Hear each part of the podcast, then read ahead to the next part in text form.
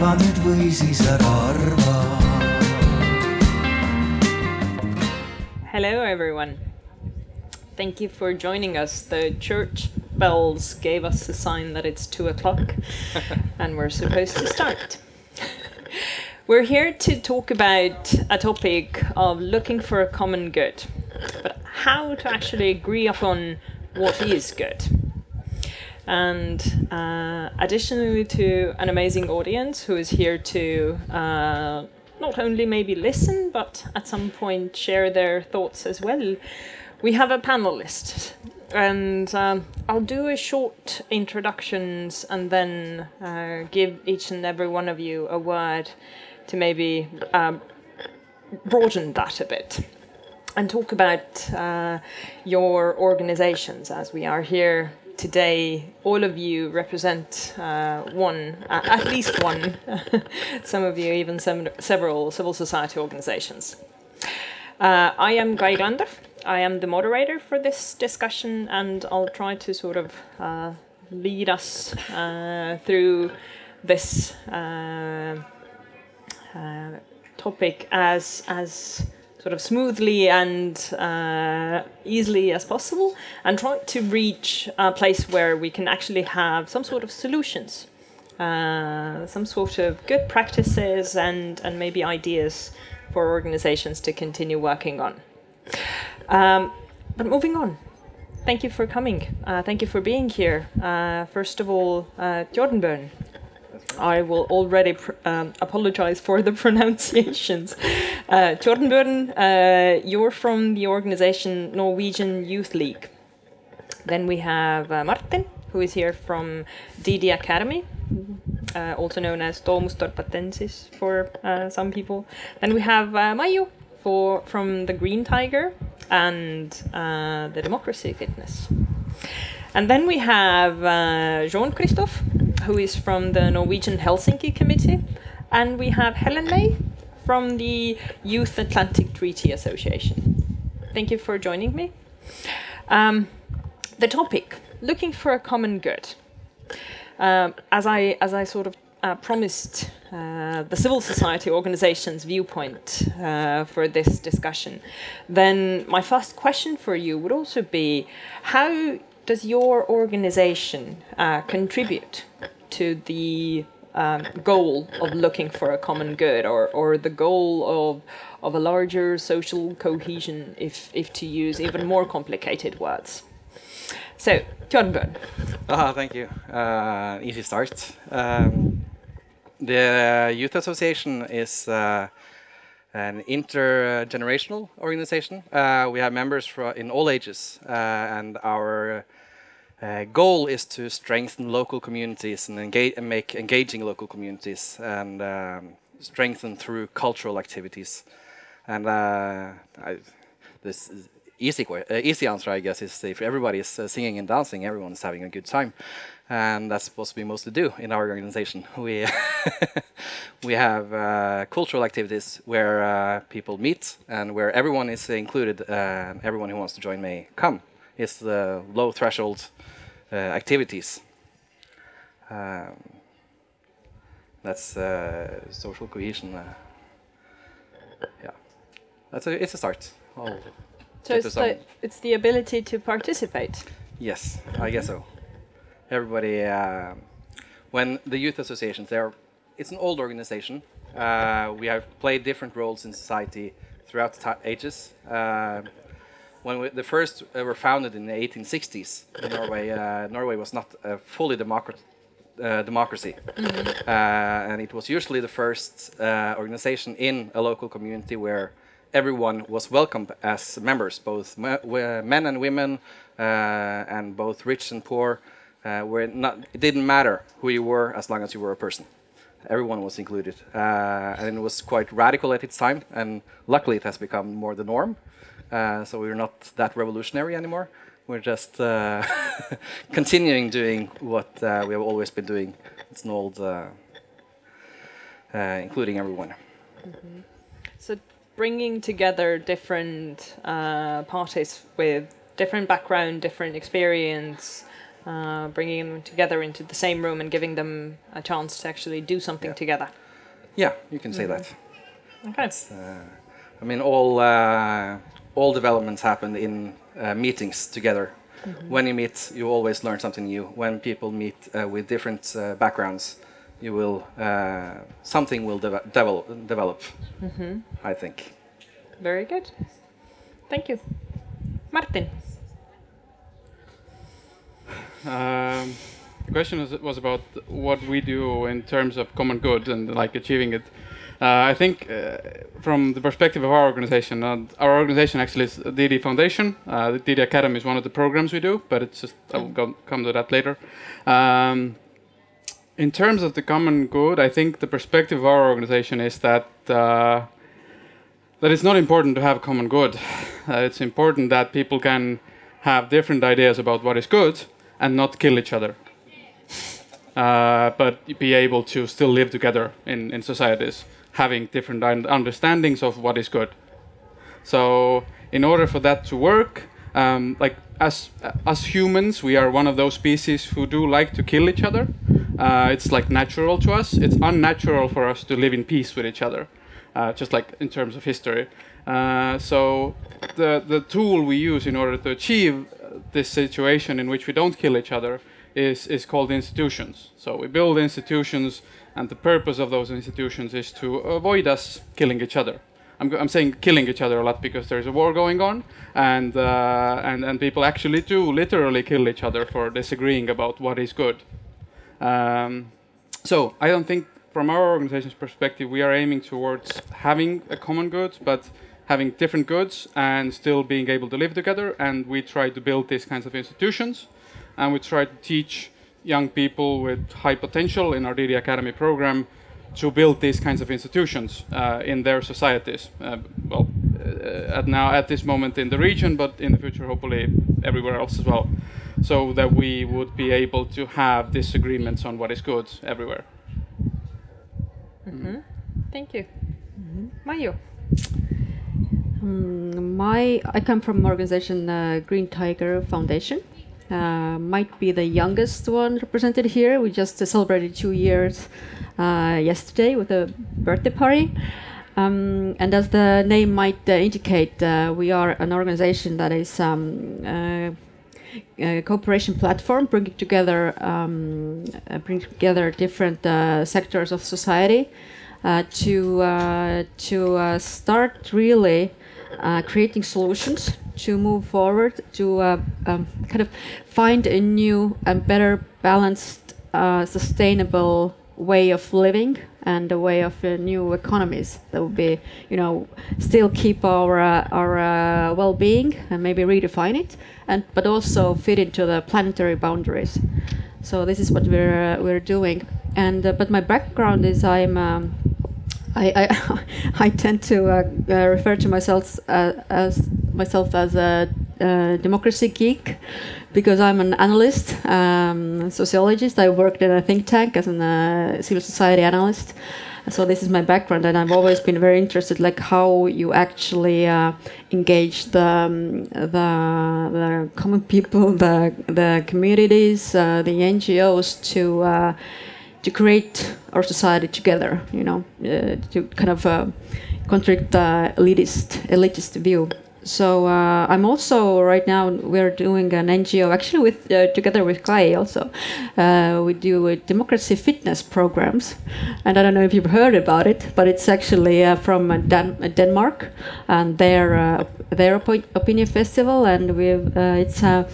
The fitness program is a really like fun and active way to acknowledge that we actually every one of us like we have you know muscles shoulder muscles and you know stomach and everything uh, the democracy to be strong needs your muscles to be strong so you can do something about it. So that's what we do. We have like 30 minute sessions that train your muscles like active active listening and uh, and mobilizing and um, and um, disagreeing like we need to study and train how to disagree, uh, etc. So I'm really into also and find it very um, important as maybe one of the solutions to start seeing um, more and uh, using more um, the the fact that uh, the people the, changes we need to do to find also the common good or or uh, make those different ideas of common goods goods work is that we really need to be human centric and understand that uh, we need to deal with identities cultures um, and uh, and really uh, listen to what is needed. Um, so uh, on the um, yep. So this this is what really gets me exciting, and then there that's where I find the potentials for solutions. Thank you, Mayu. Jean Christophe. Yeah, sure. Um, I'm Jean-Christophe Delmas. I'm from the Norwegian Helsinki Committee. I should say disclosure right away. It has nothing to do with Helsinki. Uh, it's a fairly confusing name, and the reason it's called like that is now an increasingly uh, historically distant reason is because of the 1976 Helsinki agreements between the Soviet East and the West, and those were agreements about human rights. So the Helsinki Committee in Norway is a human rights organization that's focused mostly on making sure that human rights are respected in practice, and mostly in so-called OSCE countries, so Eastern Bloc countries. Uh, not so much in Estonia, but mostly uh, Central Asia, Ukraine, of course, quite busy, and Russia um, and the Caucasus. Now that's one side of what we do. The other side is, and that's the hat that I'm wearing today, is um, the we are a kind of uh, contact point uh, for everything that has to do with the EEA grants, uh, which some of you may know about. And um, as part of this, there's all this financing that goes to fantastic projects that have to do with democratization, that have to do with active citizenship, that have to do with the environment, that have to do with making sure that democratic muscles stay flexed and stay worked out. And uh, the work I do is to make sure that civil society organizations, both in Norway and in these countries that receive EEA grants, that they stay in contact and that um, as much as possible there is a measure of collaboration between them. Um, there's a certain measure of difference between Norway and the receiving countries, and uh, Norway is, you know, it has its unique challenges, but at the same time, and we've been talking about this since I arrived here in Estonia. There are so many things in Estonia that are very similar to Norway, and it's been really interesting talking about that. So, um, if I were to say what we collaborate or how we contribute to the common good, it's by uh, making sure that these connections, that this social cohesion across borders and not just within borders, stays active. Helen May. Hello, it's working. Yeah. Hi, so my name is Helena May Bøgstø, and I'm here representing YATA, which uh, is a short abbreviation for uh, the Atlantic Youth, uh, sorry, Association, uh, Youth Atlantic Association of Norway, which is like um, a sort of uh, branch of the Norwegian Atlantic Committee. And the youth organization is uh, spread across a lot of local associations in Norway. And I'm representing the, the national board. And um, our main goal is, is to uh, create a forum where we can discuss uh, security and foreign policies. And we have a, a big focus on NATO as well. Um, when it comes to contributing to the common good, I think I agree a lot with what Sean said uh, that um, not NIATA focuses on having events and uh, discussions that uh, go across the border, and we often invite uh, YATA groups from outside Norway because there's around I think 24 YATA, YATA groups around in Europe, and we have panel debates about foreign policy, the war in Ukraine, and our goal is just to make an open discussion where we have a lot of different inputs and I think that is good because our members are both students, young professionals, and cadets from the army, and it just gives us a really good uh, and broad uh, base for discussion. And I'm really interested to hear what you other guys uh, think about how we can create a better common good in a time that's pretty polarized. Um, what basically all of the panelists to some extent brought out is is where we're moving on now is actually why are we talking about this at the moment? Is it the issue that ukraine is at war? Is it uh, general polarization trends that are growing? Um, and one thing that I would also like to do in this discussion now is also to sort of, um, as you understand, we have three organizations from Norway and two from Estonia, and, and um, before we actually move towards solutions and and uh, finding cohesion, I'll do a bit of separation. so um, we see that uh, statistically. Uh, even though we have programs that train democratic muscles and make sure that democratic muscles are flex, we see that the trends of um, the number of open governments and uh, open democratic governments is decreasing, not increasing. Uh, we see that we are in a state of war uh, in Ukraine that is a country that was moving towards uh, open democracy and, and opening it up even further.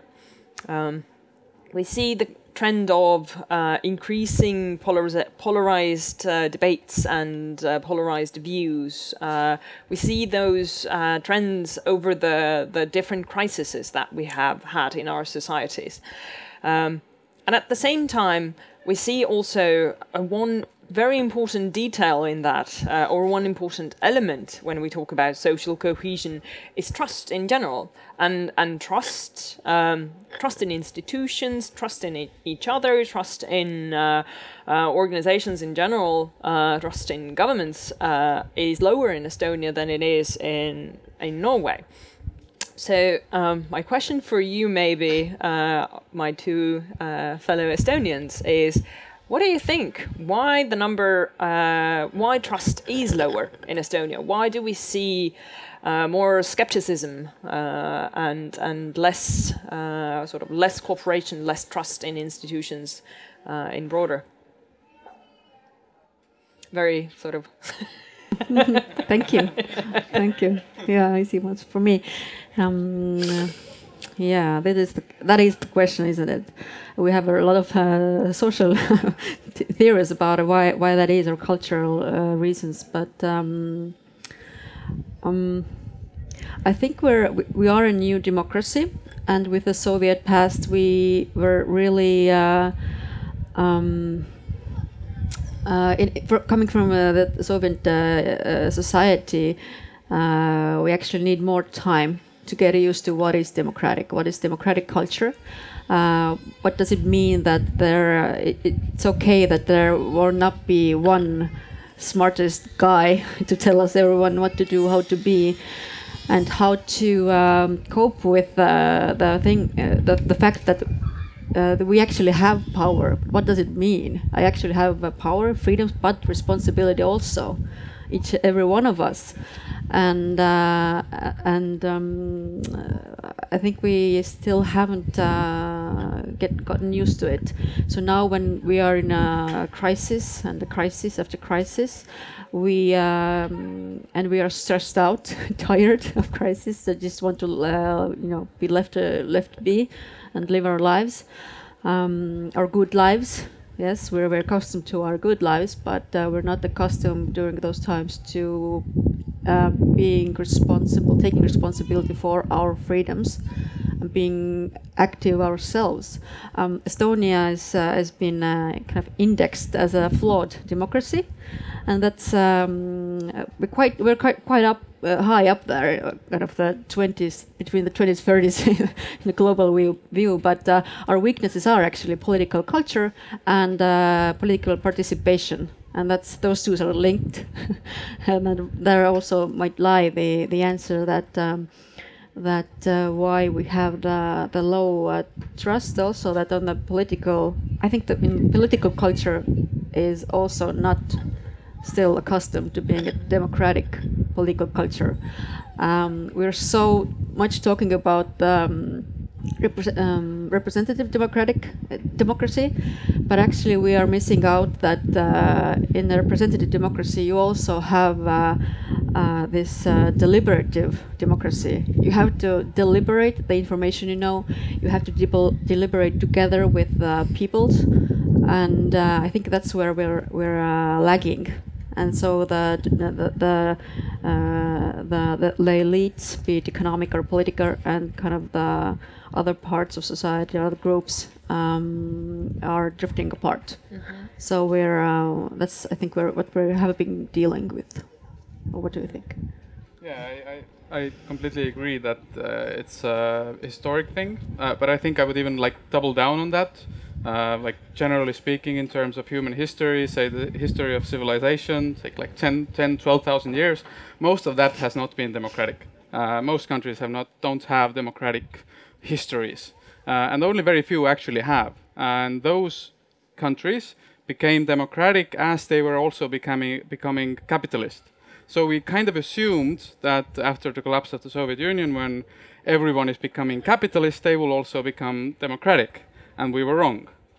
I mean, that's the solution. That's, I think, the answer to the whole democratic, like the, the solution. Uh, we see it in China, for example. They are rich, but not democratic. And um, I think this is the same in Estonia. We have a little bit of a longer history of democracy, but, but even 100 years is very short time uh, in terms of uh, human culture. I think it's several hundreds of years that it takes to actually, you know, get used to something. You know, some European countries have had 500 years to get used to the idea of a parliament, even much before they had democracy. Uh, having representatives going, coming together, discussing some things, deciding them with uh, the government, and so on. This is something that is in the culture and has been there for hundreds of years. Uh, some might say that it's actually for some of the countries even longer. Uh, we don't have that. Uh, our history is very different, and also the Norwegian history, I think, is very different. So I think even the Norwegian democracy is quite young, and uh, I am kind of uh, curious. It's it's a bad curiousness, but what happens if the sovereign wealth fund actually runs out and life uh, quality goes down? If the democracy in Norway actually stays good, or if it is actually very tightly connected to the life standard? because in Estonia, I think it's very, very tightly connected to the life standards. Whenever the standards go down, people start less believing in democracy. Um, because we, I think in Estonia, definitely, we have always believed that capitalism, being rich and being democratic, are somehow, you know, connected, uh, but they are not. Uh, actually, many times, believing some theor theor uh, theories, you might say that are actually the opposite, because, you know, free markets tend to lead to uh, wealth inequality, and wealth inequality tends to lead to very rich people who have much political power, who are going against democracy. So you might say actually that uh, capitalism and democracy might actually be the opposites of each other. Uh, that is not also true. But um, anyway, so I think in Estonia it's just part of a larger process in which the world is basically discovering that wealth and democracy are not related, and so there are many places in which people do not, you know, aim towards democracy anymore, and they collaborate internationally, and they are influencing us as well. So I think many of the developments we have are not actually related to what's happening here, but they're much more related to the international movements of anti-democracy. Uh, mostly and somewhat ini being initiated from the United States, but also from Russia, also from Saudi Arabia, and many other places. So it's a very, very long story, and there are many, many books written about all of these processes. So I think Estonia is just a, a victim here in that sense. so just like thing, things are happening in the world, and they're happening to us as well. Mm-hmm. Of course, the the global trends have an impact on what is going on in Estonia. That is that is. Um, uh, something that we can't sort of uh, bypass, luckily, to be um, uh, in some respects as well. Um, but I, th- I, think a lot of the important keywords were already mentioned here uh, the political culture, the culture of participation, the, the issue of responsibility, taking responsibility. Uh, history and the connection between wealth and um, the well-being of people and democracy as well. Um, but considering that, uh, even even though, as Martin you pointed out, that Estonia is a young democracy, and in in that respect, Norway is also fairly young, not as old as maybe some European uh, countries. Uh, but we see that there is a difference. We see that uh, some of the aspects, uh, some of the sort of uh, democratic standards that Mayu also referenced, there are um, I don't want to say that Norway is significantly better, but to some respect it is. So, what do you think? What has Norway done um, that has sort of lead to that success? What does your history show? What have you done better?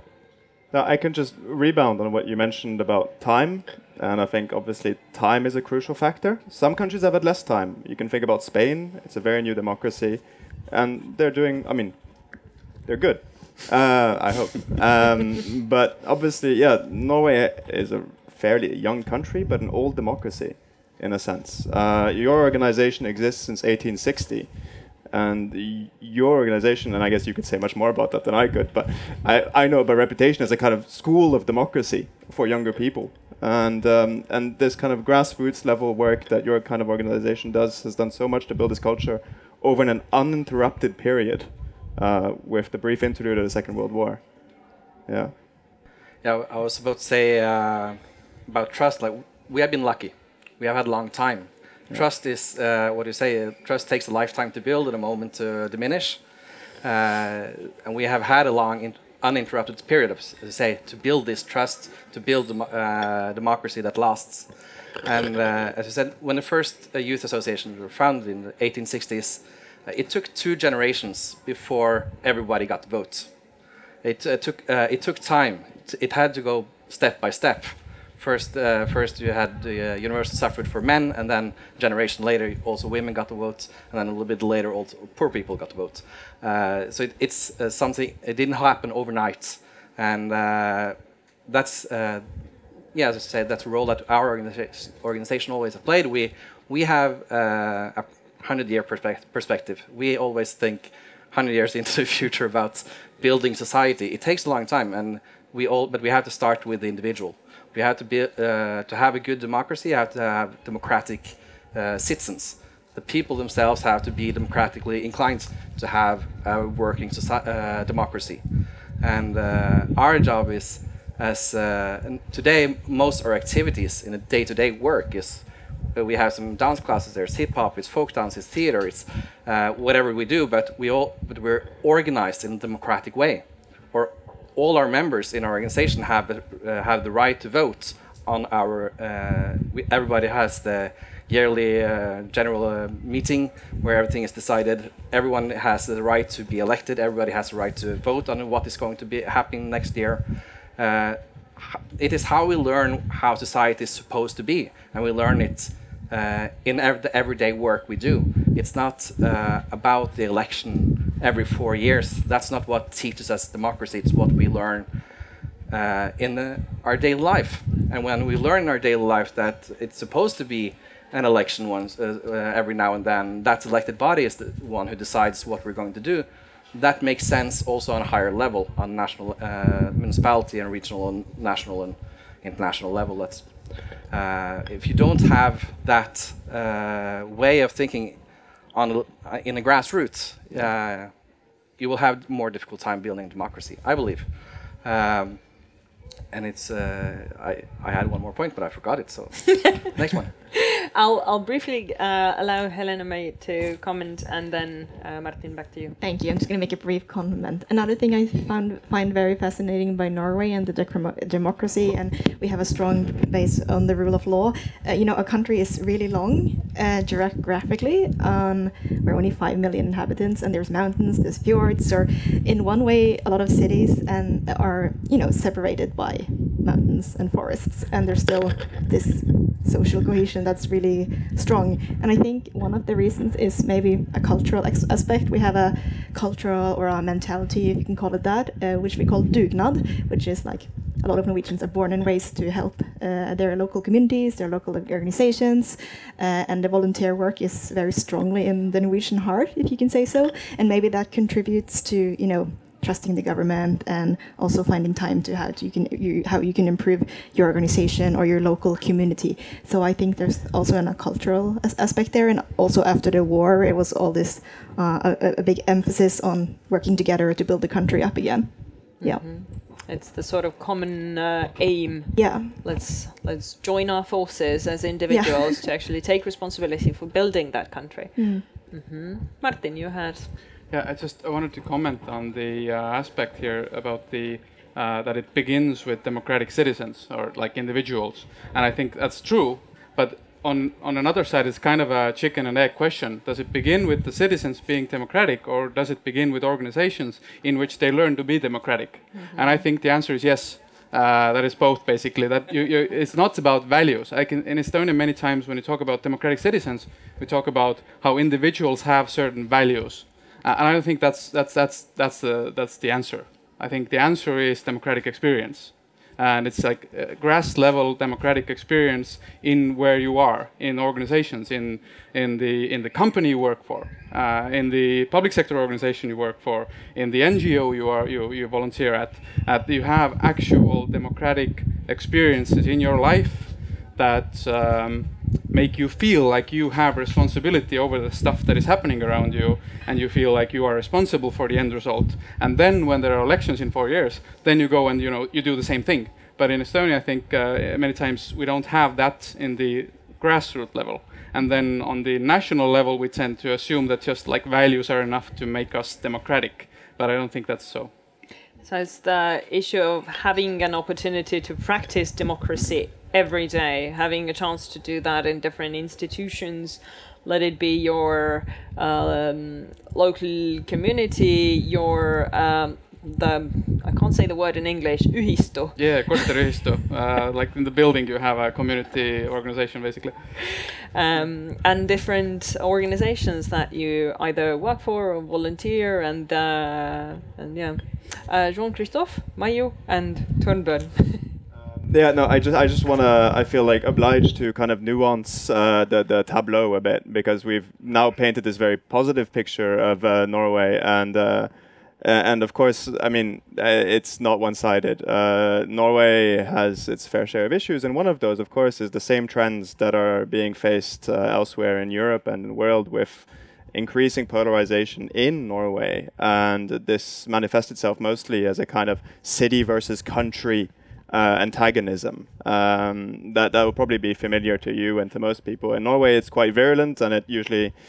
uh, you know, it can be debates about windmills. It can be debates about conserva- uh, conservation of wolves. That's a very very tender topic, and. Um, and uh, of course, you know, this is something that is also leading, in a sense, to increasing apathy. You know, we're starting from a good base, but still, you know, there's something that's kind of uh, eroding the foundation and uh, increasing apathy. And also, Norwegians are less inclined to volunteer, sadly, as time goes by. So, what we're working to is to maintain the good standard as much as possible. And you know, and I, I really like that metaphor of like flexing the democratic muscles. I'm gonna I'm gonna take that with me.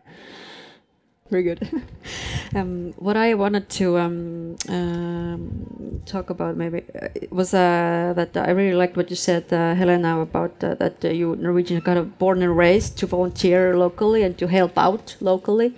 And I think um, actually I, want to talk about how i this uh, opinion festival here, it was Paide was a really it's in center of uh, Estonia. It's the heart of Estonia, as we say, but it was actually a very kind of uh, rural uh, place, not central, and um, and uh, very small place, very uh, very quiet, and so.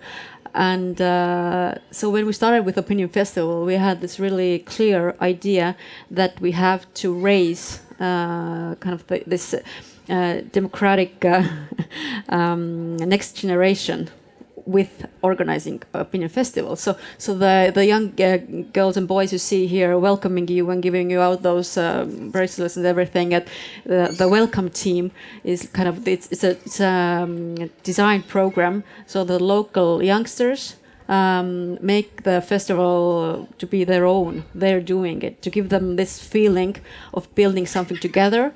Some of them have been, uh, some of them started uh, when in their teens, uh, in in in, uh, in middle school, in the first first year of festival, and now they're uh, going to be a leader of some, you know, part of the festival organization. So that's how you grow and um, I think it's, it's a very good example how you have to design something, um, pre-plan it and design it. That this is how what we have to do, and uh, I think there's a lot of potential for Estonia uh, to um, kind of acknowledge the local uh, communities' uh, power to build up more democratic uh, culture. But here we have.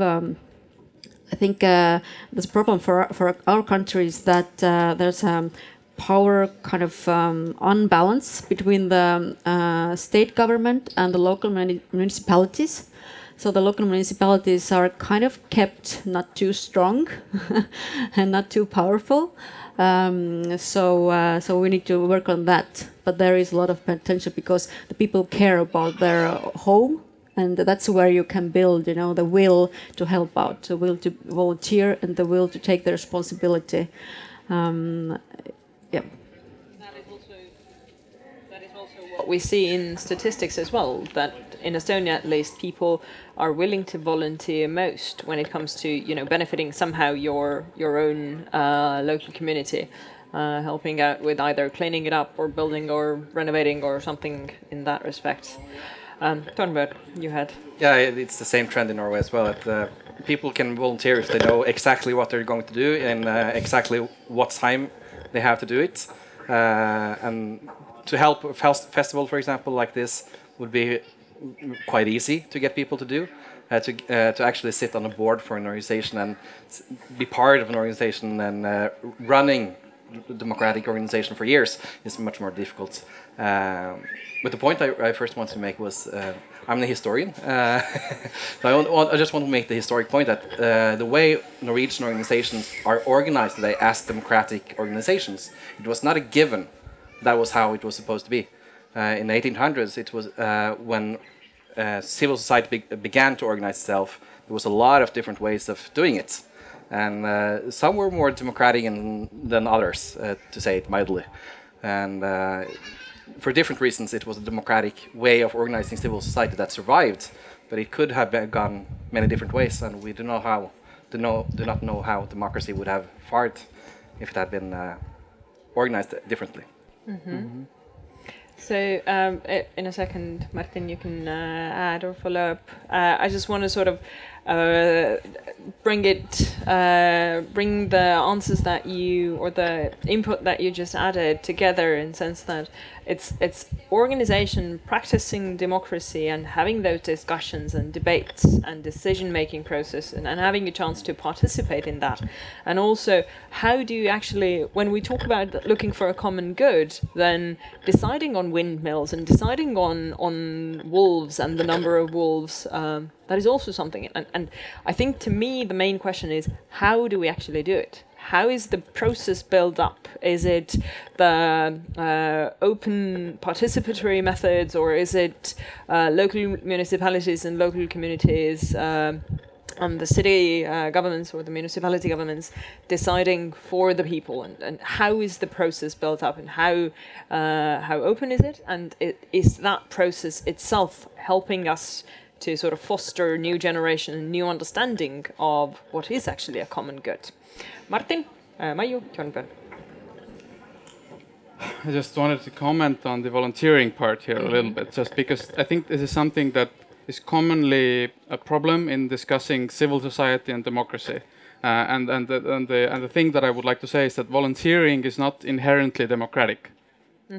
Uh, that volunteering has also historically existed forever. Uh, with in, in very non-democratic societies, and it's a normal thing, and it does not lead to democracy at all, fundamentally. Uh, volunteering can be part of processes that are democratic, and they can, can lead to uh, democracy, but it's not automatic. Uh, and I think that the main difference is being um is like the, the difference I make in terms of like NGOs and so is that being a member is having an experience of, of participating in, in democratic process, processes. And membership means that you are uh, like a sovereign of an organization. You are part of the people who are deciding on how we do stuff.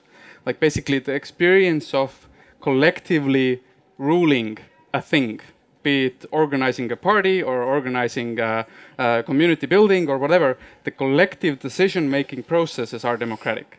Building a building or doing voluntary work of any kind is not inherently. And I think this is a mistake hap- that is happening everywhere in many places. Like I was, I just had an experience a couple of years ago when I was sitting in Estonian uh, in a room discussing the civil society development plan of Estonia, and we were discussing volunteering in that, and everyone else besides me was a representative of the state. And like historically speaking, the state is the and not civil society. So we were discussing what is civil society with the state and only with the state, basically. And I was saying all of you uh, involving volunteers are not doing democracy here. This is not civil society, and it was a new idea to people. And I think this is part of many confusions in many places. But just I want to say that. I actually want to reflect on that or um, comment on that. That, that but, but volunteering is kind of uh, first step on the ladder. If you you that's the I, I see a connection here with those uh, you know flexing those democratic muscles or start training or acknowledging your muscles and your possibilities, your power. Um, to come out of your shell. That's that's a, a, at least with the youth and, uh, and the organizations I've been uh, I've seen that uh, uh, volunteering is the first step. But yes, we have to kind of see it as such. You know, it, you cannot uh, like equalize it. So I, I agree. But uh, again, uh, when we look at civil society, become being a member of an NGO or, or an organization, um, this has become uh, something. Um, I don't know if it's outdated or something in, in our society that um, that we don't want to do anymore. You can support an organization or a movement and uh, and uh, help them out, but you don't want to, you know, give your finger and then take your hand and take your everything. but they do actually. that's uh, and uh, that's something like um, we want to be connected uh, some other ways. So we have to also see that uh, that uh, we have to acknowledge this that the so- so- society is um, is changing and how you know we uh, what is it what is changing and how do we harness it into this changing democracy because. Um, um, again, when we're doing this uh, opinion festival, we're also talking about the youth uh, participation uh, in democrat in democracy, and um, I, after so so many discussions about again with those officials and about uh, how uh, they the youth are not participating in the NGOs or, or, or voting and everything that like why don't they understand? Why don't they do that? And I was like after so many uh, meetings I was starting to uh, think that okay we are missing out, out something. We are not seeing something. We should turn it around. What are the youth telling us about our democracy? Like why don't they want it in that way. So what is missing? Like what is what what kind of democracy do they need? Um, and how can we build that? So i think the climate prob- uh, topic is really i think um, um, emphasizing uh, the need to actually understand the youth and not just engage them, uh, but to give them the uh, opportunity to show us what will the future be uh, and how should we move there. We should support them, kind of reflect, you know, and do a, a kind of a study rounds, learning rounds, and uh, kind of design and build those new uh, models of society, of democracy, of uh, I don't know, uh, um, um, e- economy, also with the youth.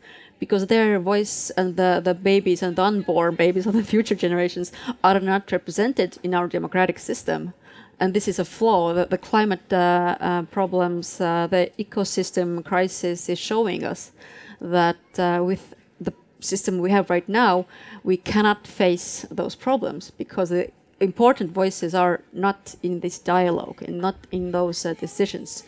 So, uh, so uh, how do we kind of get ourselves to uh, step back and actually listen to the the, the chickens to, to, to, let us teach, uh, let the us be teach taught. So this is kind of a challenge, but it's, maybe that's also democratic muscle. Kind of, uh, you know, listen what the others have to tell you. Yes, how to how to learn to listen and and to pay attention and actually uh, use that information not only to uh, you know hear it but actually implement it, take it into account. Mm-hmm. Jean Christophe. Yeah, yeah, just uh, kind of about that, and a point that's you know kind of echo what Martin is saying about um, that volunteerism doesn't necessarily uh, equal uh, increased democracy or social cohesion, or it doesn't even necessarily reduce polarization. It's there's nothing uh, intrinsic about it. Uh, if we look at Norway, and I, you know, I love to come back to windmills, but uh, there was and there is this huge mobilization against windmills, and it's kind of following this new normal mode of mobilization, which is you get these Facebook sites that get set up, uh, People's Action Against Windmills, uh, they get uh, 200,000, 300,000 followers. And that becomes like the kind of new mode of mobilization, and it kind of bypasses all this kind of original ground roots, brick by brick building, which means that you've had a kind of uh, sharpening of the tone of debates, uh, kind of as a result of this uh, of this kind of viral mode of mobilization, where people have gotten very riled up. You feel you have a lot of people around me that support you, and you, you're rearing to go. So a lot of politicians have had to just stop talking about windmills because they're afraid, and it's windmills. You know, it's not. You know, it's not. Uh, it's not nuclear plants, but. Um, so you know like it, it's the, the way you build it up and you know hopefully uh, okay these things will uh, they will kind of stabilize over time and they'll form into kind of more uh, traditional maybe or even maybe a new form of organization that will kind of moderate the debate hopefully uh, we've had a political party that was set up uh, just for the creation of, uh, of a hospital in the north of Norway. I mean, that could be an example of that. Um, but yeah, it's it's not just about uh, getting out there and getting your opinion about. It's also you know about the ways you organize, and and that has a lot to do with the way uh, the debate is shaped, and you know the tone of that debate. I, th- I think what you just described is is something that we all in Estonia feel as well. Uh, people start to avoid topics that get too um, too uh, emotional, too sharp. Uh, if you have a family member who's against uh, vaccinations, uh, COVID vaccine, then you try to you start avoiding that topic uh, with family gatherings uh, and etc. But avoidance does not necessarily solve the issue, uh, and that does not make us find the, the, common good in, in, any way better.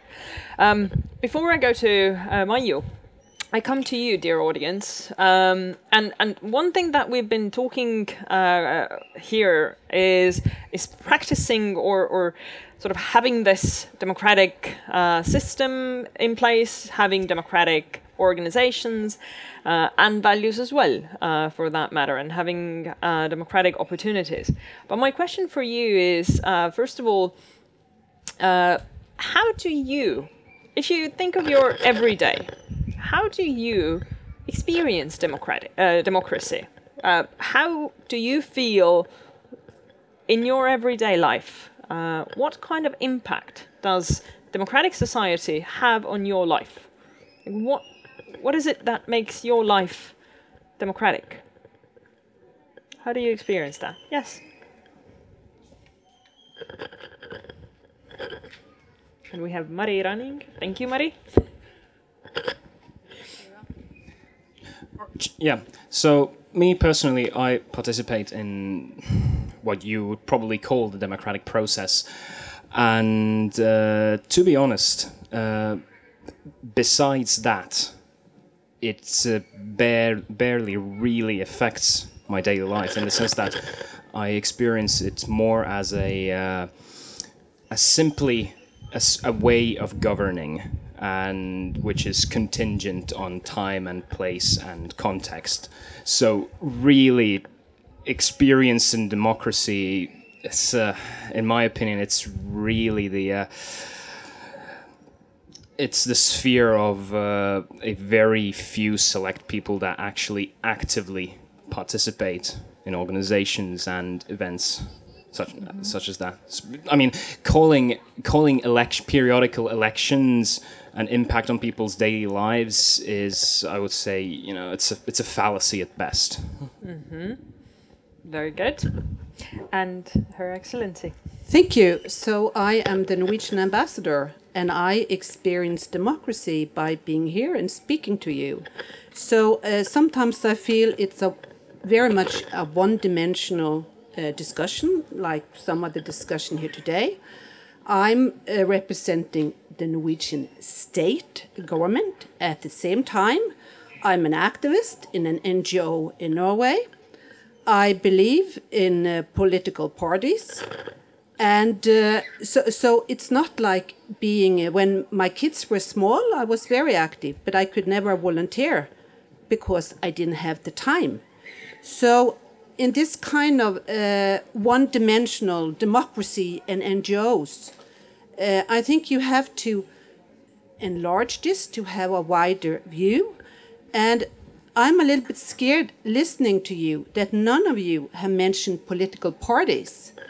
So our democracy is not about kind of having a campaign in Facebook. I mean, what kind of resources do you have? My my nephew has uh, uh, is disabled. He would never been able to set up a Facebook campaign to have his views here. He needs an organization. So it's it's like seeing uh, and this kind of experience democracy every day. It's not like mindfulness. It's about society and systems. It's about our uh, uh, parliament and be responsible. Be res responsible for your rhetorics, not to have this kind of uh, polarization in the rhetorics about this and that. So I am voting every year, local election, uh, central election. I admire politicians because today you have to be tough to be a politician. In Norway, more people uh, participate in political parties. Much more young people participate. We actually wanted to have youth organizations, political youth organizations here today. But I think in the Estonian civil society view, youth, political youth organizations are not part of this. I'm a trade union, worked in a, a trade union. All of us are members of trade unions. So it's it's like, uh, and I understand this is difficult. It's history and so on, but I mean, I want to vote, and if I if I disagree with the party, I will I will have a, a, a different party. The politicians need to be accountable to people voting, and that's the basic of democracy in in dem, and that's the that's the difference between Russia, Estonia, and Norway. And I feel that's what we are fighting for in Ukraine. It's not about volunteering, it's about people deciding their own government. And in Norway, civil society is so important to keep the politicians accountable. And Norwegian society was actually, democracy was started in uh, with the Viking assemblies. We have an exhibition about this just over there. So, but it was not democratic. But this kind of view of people, uh, people electing, I think that's the key. So um, civil society is really, really important, but also other institutions and maybe in cooperation. Mm-hmm. Good. Thank you. So who's the next one? Uh, thank you for the for the comment. Uh, I think you brought out uh, very important uh, points here. Do add, yes. Yeah, hello.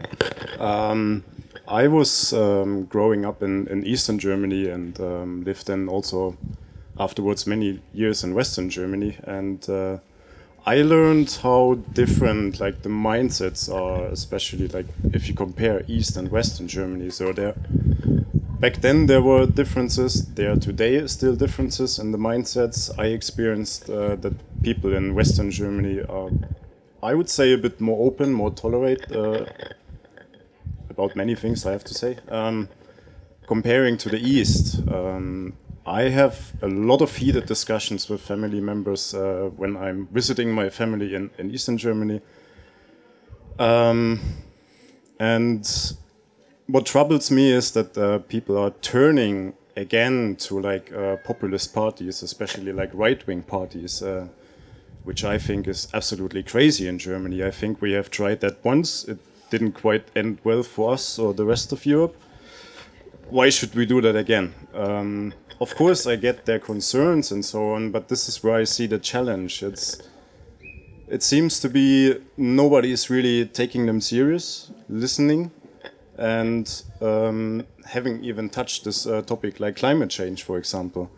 Um, here I see a big conflict between the generations. Um, in social media, you can hear, read a lot of like comments yeah, this young generation, these uh, spoiled brats and so on, they don't know how hard it was to get here, and they just um, living this wonderful life that we built for them. So, and they just want to change everything that made everything easier. So, th- this is where I see the most challenges, like bringing generations together or bringing these people together who have completely different attitudes, completely different concerns, and try to find the common sense. Yeah. Yeah, thank you. Uh, I think this is also what we started with uh, how to bring people together without wanting to kill each other, how to actually bring different ideas and different mindsets together. And, and accepting that that we are different and that we want different things and that is okay uh, very quick. My name is George Bogdanov. I'm coming from Bulgaria National Network for Children. And I'm the person who experienced the democracy every day, going arguing with the uh, prime minister or ministers in the different uh, agencies as well. Uh, but what I would like just to add to the discussion is that, generally speaking, since let's say five years, we're living in a war in our countries, a war which is try to destroy the democracy. Uh, in my society in Bulgaria, children are used to be uh, uh, used as a uh, weapon, uh, really to disinformate the, the, the, mm, the, society and to disinformate also the, uh, the, the whole system. So we start now to not to let's say not to not to mention and or, or to avoid a children's rights, for example, as a term. Uh, women's rights or human rights. Oh let's don't speak about this because it's so hot topic for us. Or term of gender for example. All these kind of issues. In, so we are in a war of disinformation and propaganda and we have to as a civil society as a politicians we have to face this and and trying really to uh, to uh, to fight this and to unite the society somehow. The problem what we have in Bulgaria is that I'm suing five people within the uh, in my country because of disinformation and propaganda against me personally, but also my organization.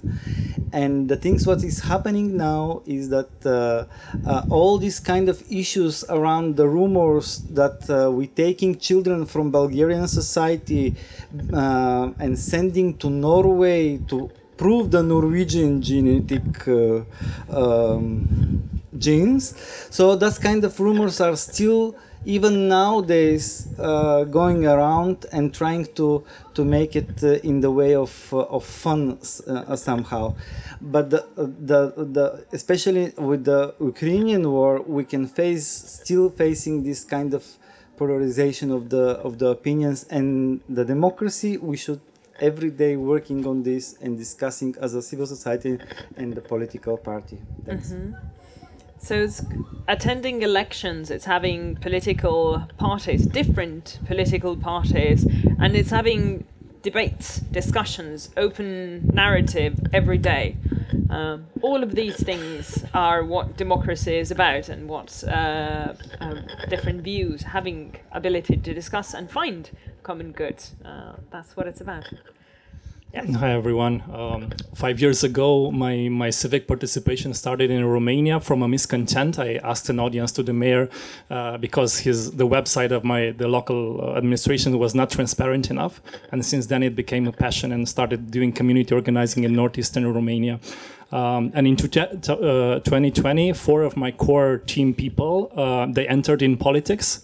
I could have considered it uh, as related to what Madam Ambassador said um, maybe a loss for the organization, but it was a gain for the local community because they are now uh, in public offices having a previous civic experience, having seen how is to you know uh, confront with a, a refusal from uh, the local authorities, or uh, how is to to how, how how hard is the effort to make your the maybe the the political parties more accountable to the people.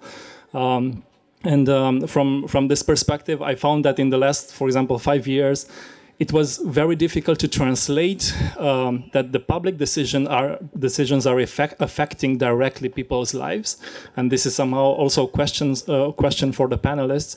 Um, maybe how how do you manage to do this in order to build that democratic culture in, in your countries in Estonia and in Norway? How how are you able to translate this message and to to to bridge the gap uh, and to close the gap between uh, you know the uh, public policy agenda and uh, everyday's lives and why should uh, how, how can you make it appealing for the people to get involved in their communities to uh, get to know their societies more than voting one once and in, in four years um, and how how can we better bridge this this gap thank you mm -hmm.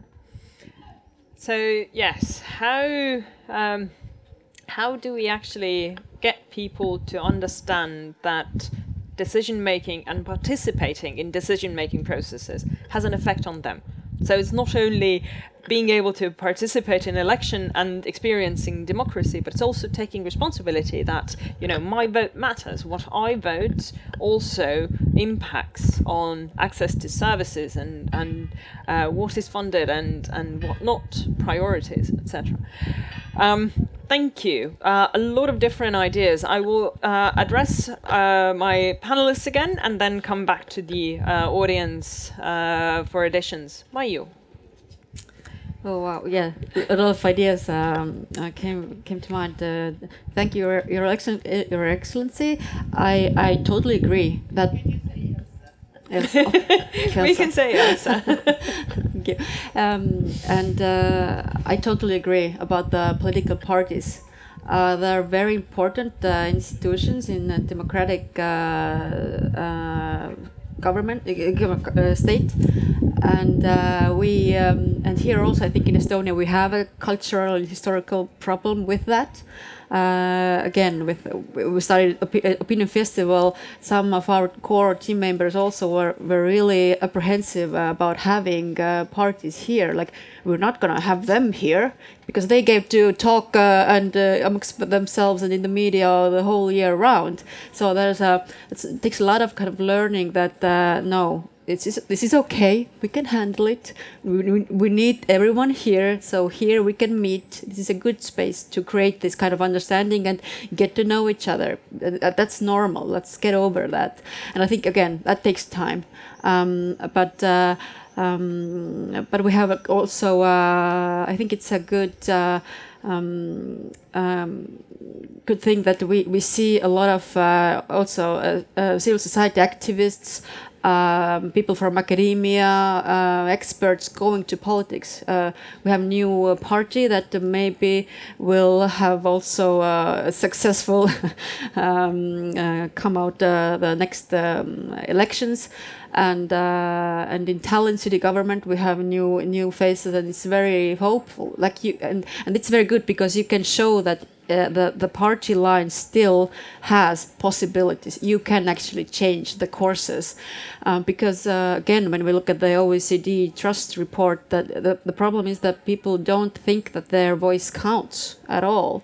It's uh, very, low trust in that. That uh, if I participate, um, uh, I don't I don't believe that it will help anything. So you know, how do we change that? So disbelief. Uh, and then we have to be, you know, really uh, work on that. I think uh, both the parties, but also I wanted to add when we look at the whole system, I wanted to add about the media. I think there's a. I am very distressed about the media because uh, you know, as a as a sociology student, we were taught that you know the media is the fourth uh, power in democracy and everything, all that like where is that fourth power you know balancing democracy? I don't see it uh, for i haven't seen it for years. So so the the, the um, conflict between uh, we need um, a responsible responsive uh, responsible democratic media uh, we don't versus the the the unresponsive and polarizing media. So what can we do about that and it's uh, yeah because I mean we talk about you know how can we um, make people understand and how can we uh, like help people to do this and that, and we are we are not even um, um, taking into account that media could help us in that, and that is sad. I mean that's very big power in today's world. And uh, I think this is uh, something that you know, information wars and everything. You, you know what I'm talking about. And uh, but media should be also in a democratic uh, system. Very important role, and it's I think it's gone. So it's a problem. Thank you Mayu, for bringing it up. Um, I think what, what we are, where we're moving towards now is, uh, as looking at the time as well, is uh, solutions. So, what is it that we actually can do to sort of foster democracy, to uh, make this decision making process of how we actually look for a common good, how do we decide these? Um, how can we increase that? How can we um, be better in democracy? How can we, uh, you know, train our democratic muscles? How can we, as individuals, first of all, um, how can we practice democracy more, and and as organizations as well? Uh, how can organizations and how should organizations uh, foster democracy? Uh, Jean Christophe. Sure. Yeah. I mean, just one thing about many among many possible solutions, but it's the one that I happen to work with. So, um, just increasing exchanges and increasing international cooperation across civil society, across borders, right? I mean, polarization we hear all the time it's increasing in our countries, it's increasing in the debates, debates are getting more virulent. But at the same time, I mean, actually, I was surprised by this. Uh, opinions across the EU and across, I mean, also I include uh, Norway, which is not an EU member, but across EFTA and EU countries, are also getting more, um, how do I say, uh, there's an increasing number of consensus points across the EU, right? Uh, we have a, had a shift in values, not just in terms of polarization, but also we are more in agreements about questions of rights. We're more in agreements about questions of rights for minorities. We're more in agreement about questions about the climate, and that's across countries. So the debates are more virulent, but you're more likely to find allies elsewhere. And if we can increase as well the amount of cooperation among across countries, you're also increasing interest for the practice of uh, civil society and democracy in the sense that you're making it more attractive, just straightforward. You know, you can tell you know younger people oh join civil society and you know it's a school of democracy and you'll be filling out forms and you'll be chairing uh, debates and so on but it's not very sexy but if you can say well join up and you'll get to travel to estonia and uh, talk to an engaging audience and uh, talk about all sorts of stuff you know that that might get people going and get them started and then maybe afterwards they'll want to join in on the boring debate meetings and you know sign up for the charters and whatnot so you know that's that's one small you know rock in the I mean brick in the edifice at least, or a place to get started, or to continue with. Yeah. Thank you, Helena May just a very short follow up there. Working across borders, I think it's super important. And Norway is a very strong campaigner for multilateralism. We're in the Security Council now at the moment, and I think, as you said, you know, if as and back to what the ambassador uh, said of Norway, if you can hold uh, politicians accountable, it might inspire the younger generation to participate in, for instance, internships in the UN or international organizations, because you can align with the values that the government have. I mean, they're not. I mean, you might disagree, but in the end of the day, they might cause a common good. So I think there's it's an important symbiosis between the perhaps the government and the in the organizations we have in Norway. And I think the government, or at least my opinion, is that the government is good on yeah, you know, visiting organizations or participating in debates. Um, we just had Yata just had a big uh, conference on Nordic security policy, which is called NorSec, which we have uh, every year. It's our flagship uh, event, and we had a lot of, uh, for instance, the chief of the Norwegian Army came. We had ministers, state secretaries, and it just makes a really good uh, debate with uh, government, people, and civil society. Mm-hmm. Mayu. So uh, Green Tiger is uh, in Estonia is uh, also organizing climate assemblies, citizen assemblies, and and um, uh, I think that's also one of the ways to. Uh, what we have discovered uh, during the organizing those assemblies is that well, we know that, but the officials and politicians are also people, and uh, and you know that's that's always the best way to to start uh, cooperation. That you kind of try to bring down the the you know the roles and just talk to people like what kind of help do you need? You know what distresses you? What are your fears? And then we discover again that the officials are kind of afraid of the uh, politicians, afraid of people, and people are kind of uh, uh, don't want to you know talk to those far out uh, officials, and uh, and there's a separate uh, kind of they're separated. And uh, one of the things that we accomplished with uh, Tartu Climate Assembly, we just had this um, spring, is that we had a climate assembly of, of uh, 45 uh, Tartu people um, coming together and uh, deliberating on some uh, proposal for the city government. And when we had this, uh, we, we gave the proposals to the city government, and uh, a month afterwards, the government uh, um, uh, replied to us like, "What have they done with those proposal proposals, and what will happen next, and how will they implement them?" So it was very, really a very positive uh, experience.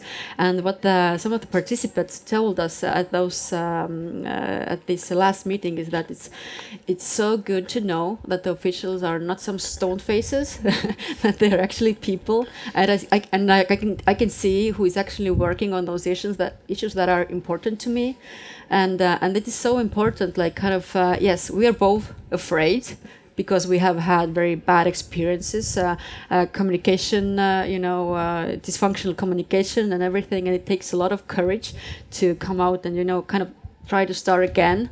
Uh, you might get uh, hit, and we might get really like a, um, uh, we are so vulnerable, but but both sides on, on, on every side. So that's something we need to kind of take in in, in, in I think we have to understand that and kind of remember that that's where we can go on and uh, still keep trying. That's the courage, the democratic muscle is deep. You have to be courageous to keep on trying.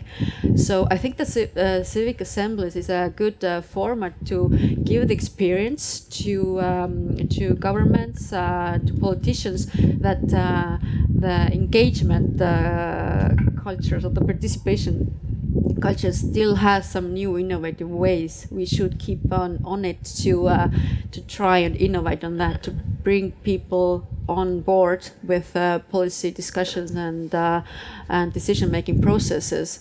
We still have to keep trying, and there are methods to do that in a different way, taking into account our history and our previous uh, mishappenings. so yes, to, to, to, to learn new uh, methods and to really, from the NGO sides, to re- work on it so that the officials and politicians get the experience and understand that there is a way, different way. Mm-hmm. So increased cooperation uh, and uh, across-border cooperation, uh, new innovative ways to actually get people to come together to deliberate on and, and debate on different topics, and to see that you know politicians are people. I think this is one of the reasons I love opinion festivals. You can just you know walk around here and and say hello to I think majority of the members of the current and previous and future governments in Estonia at least. Um, and and this is a, an opportunity for organizations as well where you can actually you know advocate or lobby for your cause. Um, at least I personally have uh, had some sort of a discussion, brief or or um, more focused, uh, with uh, four different uh, members of our current uh, government. So this is something that you know gives you a chance to actually see that they also come and attend these kinds of festivals. Um, but again, question to you, uh, people in the audience: What would motivate you to actually practice democracy? What would motivate you to uh, sort of be part of this, uh, these innovative uh, decision-making processes or di- uh, discussion platforms? Uh, what would motivate you to actually uh, participate in organizations and and you know work together or cooperate with different organizations? So we have first comments. Oh yes, that, yes. Previous comment Well, and then new one. I can kind of jump in on Mhm. both. I, I'm an American living here in Paide, and I've been actually been able to do some volunteer work for Opinion Festival, and it's it's been remarkable. I think the U.S. could learn a lot from what's happening here at, at this festival.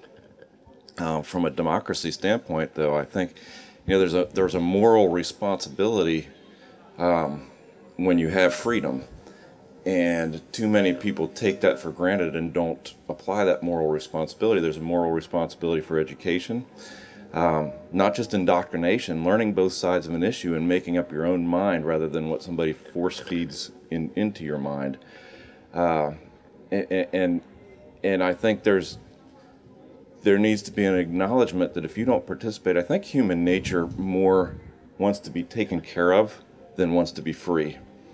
And to be taken care of is a lot different than being free. And with freedom comes this responsibility to engage civically, to be educated. It takes a lot more work to be free than it does to be taken care of. And so, you know, we need to, people need to decide do they want to be free or just taken care of? And if they decide they want freedom, they need that moral responsibility that goes with that freedom. And then there's an acknowledgement too that with good, there's there's evil. And if people don't fill the gap with good, evil's going to come in and fill that gap for them. And so there's a whole lot of different thoughts on all that. I tried to concentrate it into a brief statement. And, and I will follow up before you give the mic. Um, I actually have uh, like a follow up question. If you say that we need to help people make up their mind whether they want freedom and you know help them take responsibility or make them take responsibility, my question is how? How do we actually how do how can we do that? What would be the tools that would help you from It- your perspective as well? It's the million dollar question. It's it's it's uh, you know it's up to people individually. I you know I, I have so many friends in the states who don't engage in anything, but they have an opinion on everything. You know, just say the word Donald Trump in the United States, and you have two sides lining up ready, ready to do battle one one way or the other. Uh, but they haven't educated themselves on the issue, and and it's it, and and so you see that there are lots of bad things happening in the U.S. because of people's lack of engagement. And so, you know, one of the things I appreciate about Estonia and, and some of these new democracies is there's there's an engagement level in people who who recognize something they didn't have in the past. Where Americans we tend to take it for granted. We've had it all along. It's always going to be there. We don't have to engage in order to be there. Um, I think uh, education on history is a is a huge key. Understanding where you've come from so that you can see where you're going. If you don't understand where you've come from, you just think everything's the way it's always been and it's the way it's always will be, and that's that's not that's not the truth. It's the best I've got. So I think it's a valuable point. Thank you. So uh, we had several uh, points from the audience. Just you know. Oh, okay. Um, my kind of point here about you were talking about solutions is the talking from a foreigner's aspect in Estonia. I've been here for 12 years. Um, I would say the biggest thing is not to have to battle for the democracy because being I've been a permanent resident here. I've been here for 12 years. So if you take it on the on the top level, I can't vote in the general elections. I can't vote in Riigikogu. I have no say.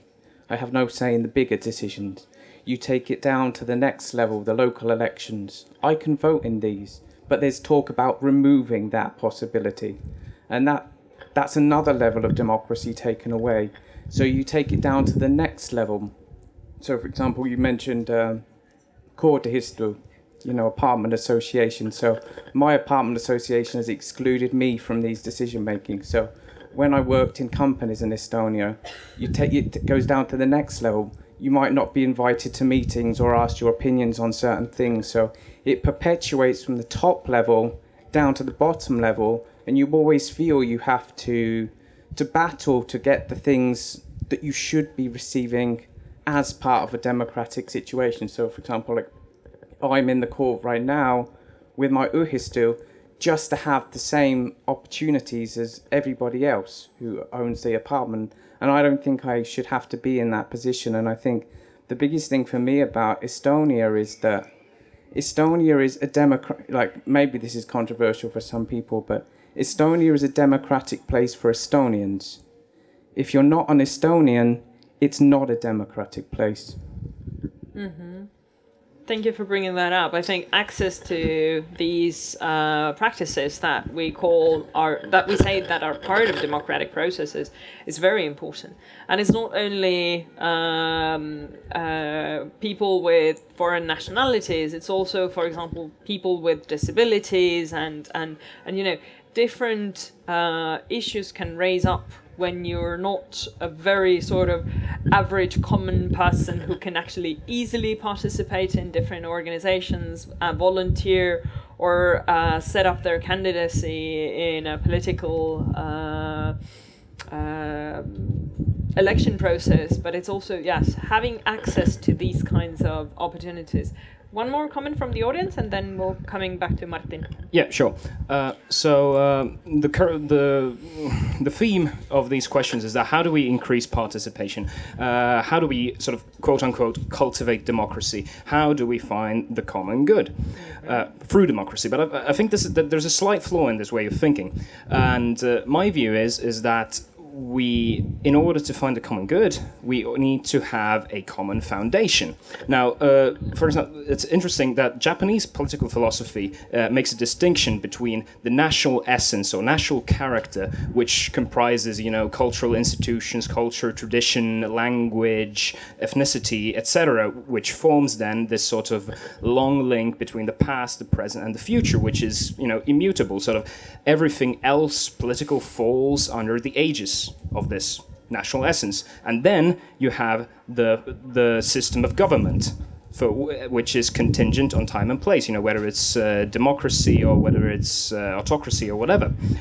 And uh, in Estonia, I would say we're quite lucky that we do actually have this uh, common foundation for everything else, which is, you know, set forth in the preamble of our constitution, which is, you know, the the mission of the Estonian state is to ensure the survival of the Estonian people, language, and culture through the ages. And I think that that's uh, that's an, having a foundation like that is a great basis for possibly cultivating a democratic way of thinking. I mean, yes, uh, that relates to the to the previous comment. it might be exclusionary in some cases, yes, but I think uh, having this sort of common strong foundation under which everything else falls is very valuable and i was wondering what you might think of this like what kind of a common foundation could we have elsewhere mm-hmm. and how to build it thank you very good insights Martin.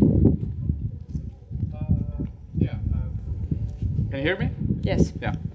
Uh, so very a lot of topics to cover here. I, I cannot do all of them, but uh, very shortly, as this discussion here, we're talking about democracy, and democracy is a very wide topic, so it relates to everything. Uh, but specifically, we were asked to talk about the non-profit sector as well and the civil society. And from that perspective, in Estonia, I feel the civil society has kind of dropped the ball uh, and especially in terms of where and how people can be engaged democratically in their lives. Uh, and I think civil society has taken into their heads, nonprofits have taken into their head, that their main mission is to do stuff.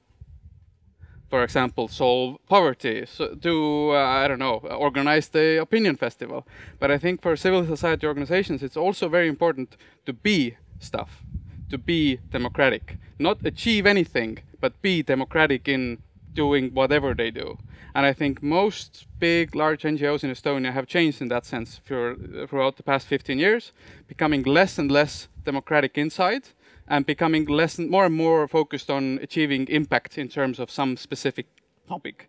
And uh, this le leads to having less and less people who have practical experience of organizing democratic discussions and democratic decision making. And so this kind of uh, you know, our assumption is that being active in a civil society organization kind of makes you a better democratic person, and it's not true anymore. Uh, and I think this is a kind of a trickle down effect that we assume that when pe more people are active in civil society organizations, then they are also uh, more uh, democratic in their korteriühistu meeting, and then they are more democratic in the local elections and in local politics. And when the civil society organizations no longer provide that, the problem is that no one else is providing that either. Like ideally, we should have that all companies are democratic inside to some degree. Ideally, we should have all NGOs being democratic to some degree. But actually, there are very few who actually are. Uh, I think this is where, where we can like practically do many things in order to improve this. We should have programs for NGOs teaching them how to do better üldkoosolek, uh, general general assemblies. Uh, general assembly is the kind of the most hated thing in NGOs, and it's one of the main things we learn about democracy. And what we learn is that it sucks. Uh, it's boring. I don't want to go there, and that's the result. And that's what we have. It's boring, and we don't want to go there into democracy. And there's one tiny thing uh, about the war against democracy, and like in order to have a solution, we need to identify all the problems. One of the big problems is that this fight against democracy, this active fighting against not having democracy, is not a new thing. This has been going on at least 2,500 years.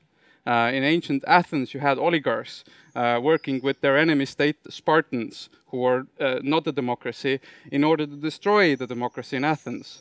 Exactly like Trump worked with Russia in order to destroy democracy in the US. Uh, so there's nothing has changed. We have been fighting anti-democratic forces for 2,000 years but we we had and actually probably even longer and uh, and I think the mistake we've made for the past like 50 years is that we have this illusion that we don't have to do this anymore that we can just have democratic discussions with them but we can't there are people who are actively trying to destroy what we have and those people now have nuclear uh, warheads and uh, big countries and a lot of money so we have we should actually be actively fighting those forces. And in Estonia, we have like two NGOs doing that, but we should have like 20 because Estonia is small. Okay. Okay. I think uh, um, yes, I, I really truly agree with you what what you said. Mm, I think we have a problem that we see that uh, uh, cooperation works, so we tend to be soft we have partners in civil society in uh, in the public uh, sector and amongst the parties and politicians and uh, uh I think when we think about the good or strong NGOs uh, in Estonia um, they are really uh, believers of cooperation, and that is also important. We need to cooperate, um, but but uh, when we do that, we haven't still learned like how to balance it. There are uh, times uh, when the times around us change, uh, when you cannot be afraid of conflict either. Like you have to ask really um, uncomfortable questions and really face your you know uh, cooperation partners. Uh, and we, I think we don't know yet how to do that. I think we haven't lost it, but uh, we have seen that cooperation is doable and it is good, and it's uh, uh, so and um, and it's, it's something that we have also uh, financed with our programs for NGOs. So no one's financing to be a really uh, uh, loud, uh, really active, uh, really good uh, watchdog anymore. Yeah. So so and that's and that's becomes even more difficult when we think about we our topic here today is also polarization. You know, it's something. It's it's a big no, big no no. We don't want to be polarized. We need to kind of uh, build bridges, but but again like how do you balance it out of okay we're tired of polarization we're tired of you know fighting against each other and taking sides but then again on, on the field where we need to fight we have lost it because we don't we don't want to go there anymore. We're tired of it. Uh, so it's, uh, it's, I think it's a very good uh, th- thing to it's important thing to talk about. How to balance it and still be okay that on one topic you are partners and you can you co- collaborate but also there are some you know basics that you won't uh, you know uh, if you don't agree upon that you still can fight also. Kind of how do we mix it up like five follow-up questions from you because it's now getting you know interesting at least for me as an executive director of a network of estonian non-profit organizations. For me this is like what is it that we need to actually do in order to stop avoiding uh, polarized issues and, and heated discussions but actually how to how to maintain them how to foster them how to call and organize them how to bring different parties different views together and talk about these things Um, we only have a couple of minutes left of our time. I am terribly sorry uh, for that, but just to sort of sum up this uh, debate today, uh, thank you all for your uh, insightful uh, comments and questions uh, and your devoted attention. Uh, my dear panel, uh, your final thoughts, your uh, final comments, each and every one of you. Thank you for your input so far, but uh, Torbjörn, what would, how would you sum up this from from your organization's perspective? What is it that you think that we in Estonia, for example, could do in order to actually learn how to be more democratic? Uh, how many minutes was it? Uh, 30 seconds. 30 seconds is, uh, I, I think it's important to uh, don't give up. Uh, keep working on uh, having democratic organizations.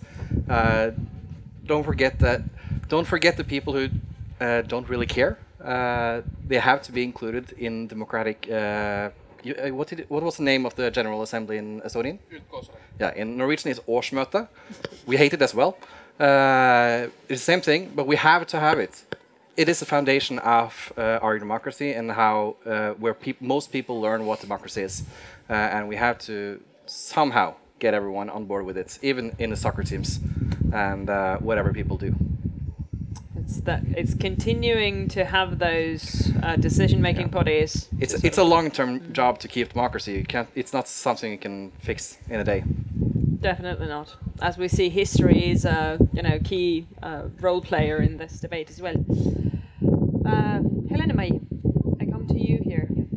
Hello. Yeah, uh, that was a very good sum up, Torbjörn. I think one short point to add, as okay, you asked what Estonia can learn from Norway, but I also think it's interesting what Norwegians uh, can learn from Estonia, because maybe a common uh, conception is uh, internationally that Norway sort of thinks of itself as being best in the class, but we have so much more to learn from other nations and how you organize your work. And I'm even though we have a lot of common uh, grounds, I'm sure there's differences as well that we can address more and make us even better. And as we uh, discussed here previously, um, it's so important to not take things for granted and keep working on those good pro- uh, democratic processes, even in hard times like this. We've had a pandemic, it's a war, there's electricity crisis, food um, prices are going up, so and that all affects the civil society sector. And I think one last point is that one reason that maybe civil society is dropping at some points is because you know it's expensive to live now and people have to work hard and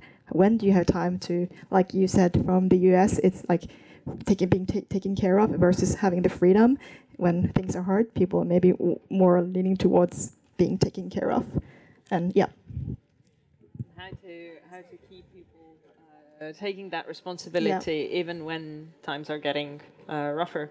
Yeah. Jean Christophe.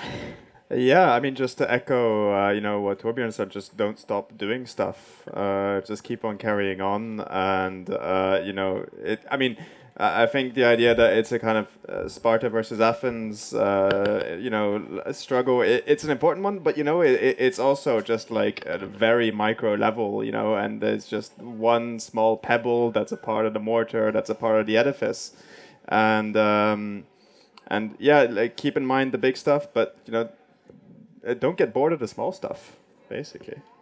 And don't give up on the small stuff. Yeah. hmm Thank you. Mayu, Martin, any final comments? Yes, mm, a lot of thoughts, a lot of ideas again. But uh, but one thing I think uh, keep in mind uh, mm, other people that they actually are are allowed to have their own ideas, their own beliefs, whatever they are, if they're different from yours, and um, and maybe we should. Uh, kind of take time and think what does respect mean?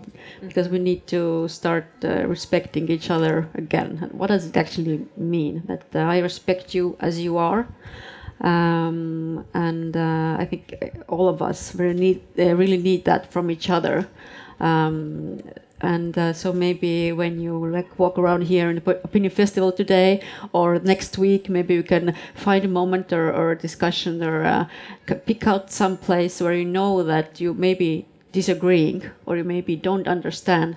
Take that time um, to be in that brief discomfort zone and to really listen and try to understand okay what why are they thinking like that why are they doing those things they're doing and find this uh, the, the common ground like to understand and I think that's a very very good. Uh, that's a demo democracy muscle training for you. Briefly, you can design for yourself today in, in, these discussions here or next week or whenever.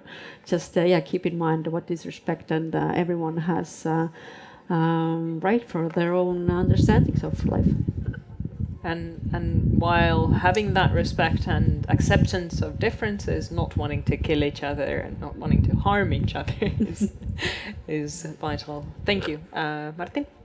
Yeah, I think I'm gonna take the most practical thing out of this uh, uh, and uh, make it into a slogan. So let's uh, let's make Üldkoosolek cool again, and I think we should make a project about that and you know figure out ways to make Üldkoosoleks cool again. how people would actually want to come to them. Uh, and this would probably solve a lot of some of the issues, at least on the ground level, and so trickle down from there.